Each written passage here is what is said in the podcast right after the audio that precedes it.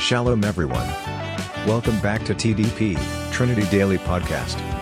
We'll be listening to a motivational message by Pastor Stephen Carroll Werha. Make sure you listen until the end, and don't forget to share the link to your friends and family so they can be blessed as well.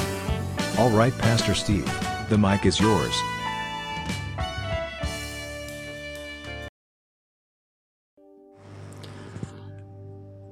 Hello, my name is Pastor Steve, and today we're going to be looking at the fruit of the Spirit, peace. We've all we've seen earlier that the fruit of the Spirit is actually just one fruit. All nine fruits are part of the same fruit because it is really the character of Christ. It is who He is and that's why the fruit of the Spirit is so important. That's why we're supposed to exhibit it, because it shows the character of Christ. So today we're going to look at peace. And first we're going to look at Galatians chapter 22 or chapter 5, verse 22. But the fruit of the Spirit is love, joy, peace, long suffering, kindness, goodness, faithfulness gentleness, self control. Against such there is no law. And like I said, we're going to look at peace today. Peace is something that every single person in the world desires. But not many find it. You know, we hunt for peace in so many different places, in so many different ways.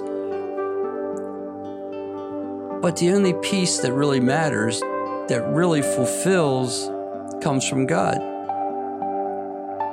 So we live in a world today that has no peace. I mean, there's obviously there's the lack of peace and the wars and the fighting and, and the violence and stuff. But there's also a lack of inner peace.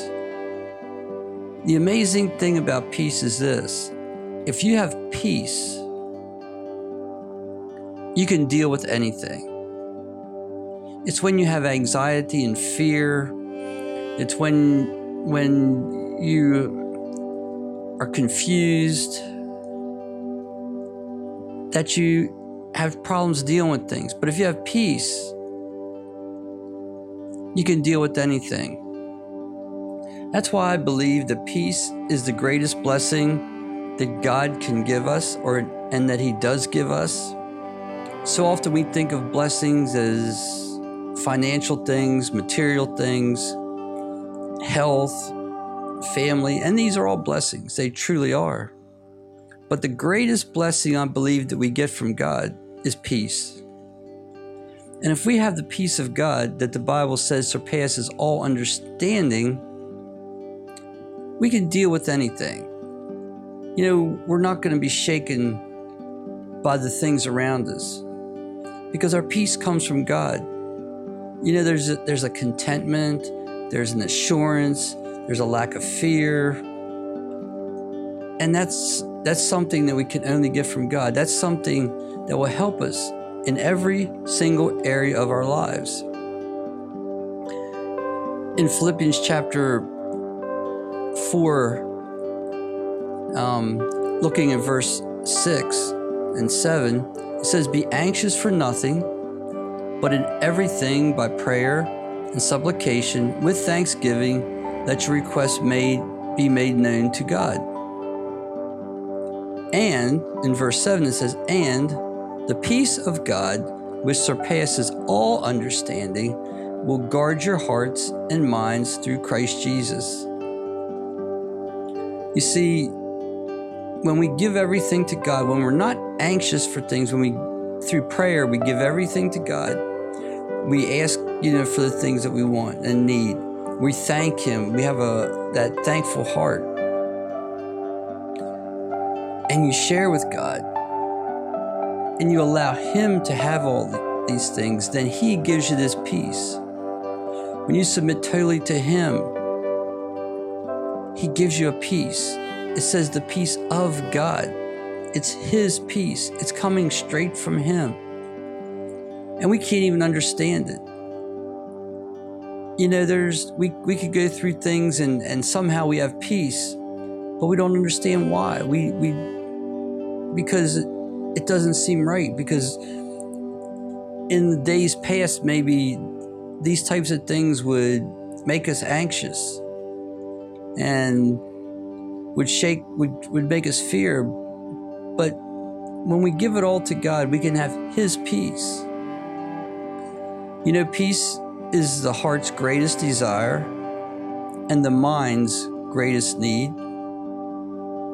you know what? we our hearts want peace but it's a need for our minds if we want to focus if we want to think if we want to be able to to deal with what's going on in our lives, we need peace. But it's something that it's something that so often is hard to come by. Because so often we try to deal with the things of this world and the circumstances on our own. We don't allow God to have total control. And so we don't receive this blessing of peace. You know, spiritual peace with God, there's that spiritual peace with God that we really truly need that helps us. There's there's an emotional peace with ourselves. And that we that has to do with you know how we look at ourselves. You know, do we look at ourselves the way God looks at ourselves? Do we have peace with who we are? Are we satisfied with how God made us? And then there's a relational peace with others. You know, if we have that spiritual peace with God, if we can come to that point, we will have the emotional peace with ourselves because we truly trust God we're thankful to God for who we are and for how He made us and, and how He designed us. If we have that spiritual peace with God, we will be able to have that relational peace with others where we're not, where we, where we don't fight them, where we don't get angry with them. Yeah, we may not like what they're doing. We may be disappointed, but it's not going to be overwhelming you know, we can have peace with others.